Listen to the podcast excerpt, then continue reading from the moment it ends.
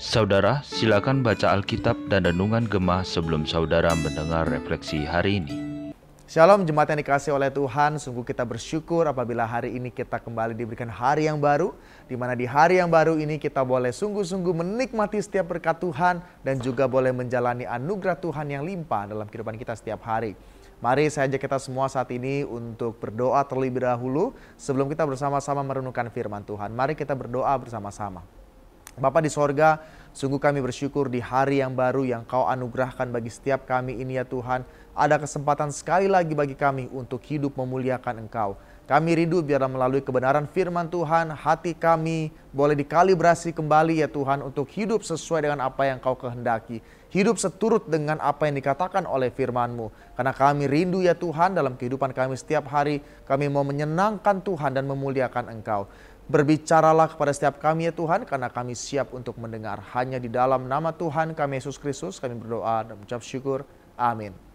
Saudara sekalian, refleksi gemah kita hari ini diberikan tema yaitu adalah tempat Tuhan dalam rencana saya yang diambil dari bilangan pasal yang kedua ayat 32 sampai ayat yang ke-34 demikian firman Tuhan.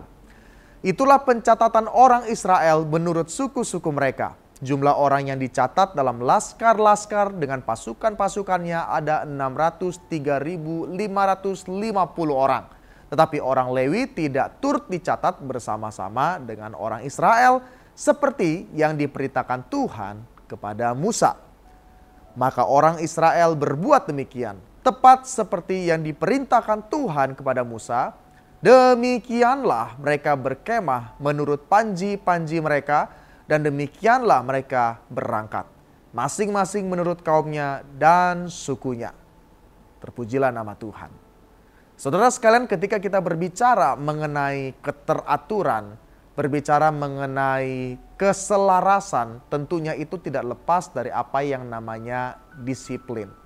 Dan kita tahu bahwa disiplin itu sangat penting sekali dan ini diajarkan sejak kita masih kecil untuk menolong kita hidup selaras dengan apa yang benar dan seharusnya. Demikian pula kita sebagai anak-anak Tuhan kita pun Tuhan rindukan untuk hidup teratur, untuk hidup di dalam sebuah kedisiplinan, untuk hidup senantiasa sesuai dengan apa yang Dia kehendaki, agar dalam kehidupan kita kita dapat memuliakan Dia. Kita dapat menjadi semakin serupa dengan Dia, menjadi berkat di mana pun Tuhan tempatkan setiap kita. Saudara sekalian, pengaturan atau pengorganisasian yang baik sangat penting dalam setiap bidang kehidupan. Sesuai dengan sifat Allah, segala sesuatu harus berlangsung dengan teratur. Kita dapat lihat dari 1 Korintus 14 ayat 33 dan 40. Kebenaran ini terlihat dari awal dan di sepanjang kitab suci. Misalnya, kejadian satu memperlihatkan kepada kita bahwa Allah itu menyukai keteraturan. Pada hari pertama hingga ketiga, Allah menyiapkan wadah untuk menempatkan ciptaannya yang lain di hari keempat hingga yang keenam. Dalam bilangan dua, setelah mendapat data sensus, Tuhan meminta Musa untuk mengatur tempat berkemah orang Israel mengelilingi kemah suci atau kemah pertemuan berdasarkan suku. Di sebelah timur harus berkemah Laskar Yehuda yang terdiri dari suku Yehuda, Isakar, dan Zebulon di selatan Laskar Ruben yang terdiri dari suku Ruben, Simeon, dan juga Gad. Di barat harus berkemah Laskar Efraim yang terdiri dari suku Efraim, Manasye, dan Benyamin. Dan di utara harus berkemah Laskar yang terdiri dari suku Dan, Asyer, dan Naftali. Di tengah-tengah mereka ada kemah pertemuan lambang kehadiran Allah yang menjadi patokan lokasi mereka berkemah pada saat itu. Yang menarik adalah Tuhan bukan hanya mengatur tempat berkemah, tetapi juga prosesi keberangkatan mereka selama berjalan di padang gurun. Ini adalah suatu hal yang luar biasa. Laskar Yehuda harus menjadi yang pertama ketika orang Israel berangkat menurut pimpinan Tuhan. Setelah itu, Laskar Ruben. Perhatikanlah bahwa yang menyusul rombongan pertama dan kedua adalah pembawa kemah suci dan perlengkapannya. Baru disusul oleh rombongan Laskar Efraim dan Laskar Dan.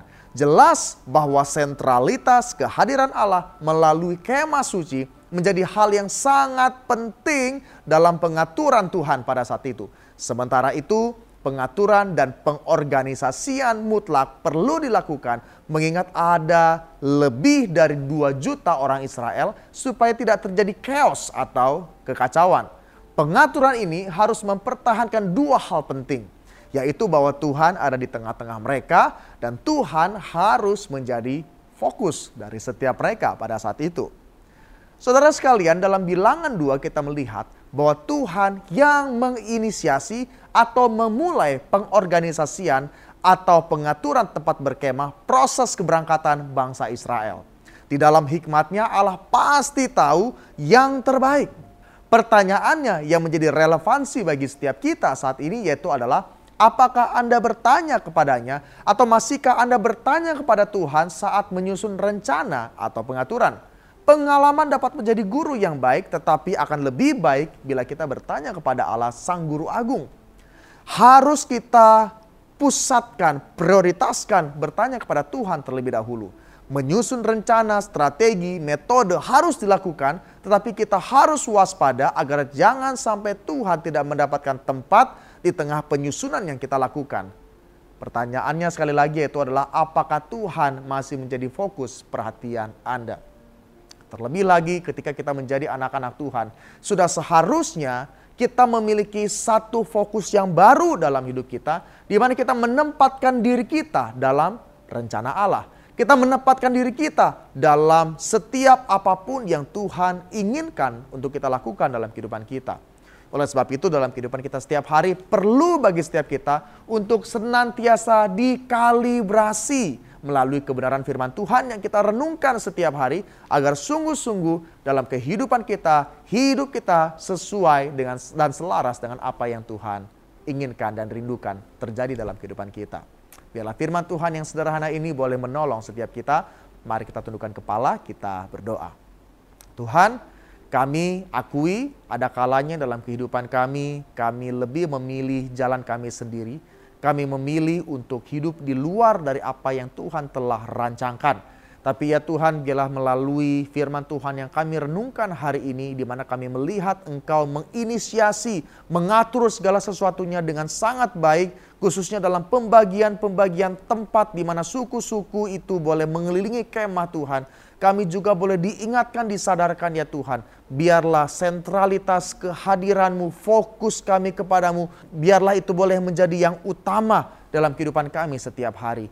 Kami rindu ya Tuhan, biarlah dalam kehidupan kami, hidup kami senantiasa terpusatkan kepada Engkau. Dan biarlah dalam pembacaan firman Tuhan, dalam perenungan kami setiap hari, hati kami ya Tuhan boleh terus diselaraskan dengan apa yang Tuhan rindukan dengan apa yang Tuhan kehendaki agar kami dapat menjadi anak-anakmu yang taat dan memuliakanmu.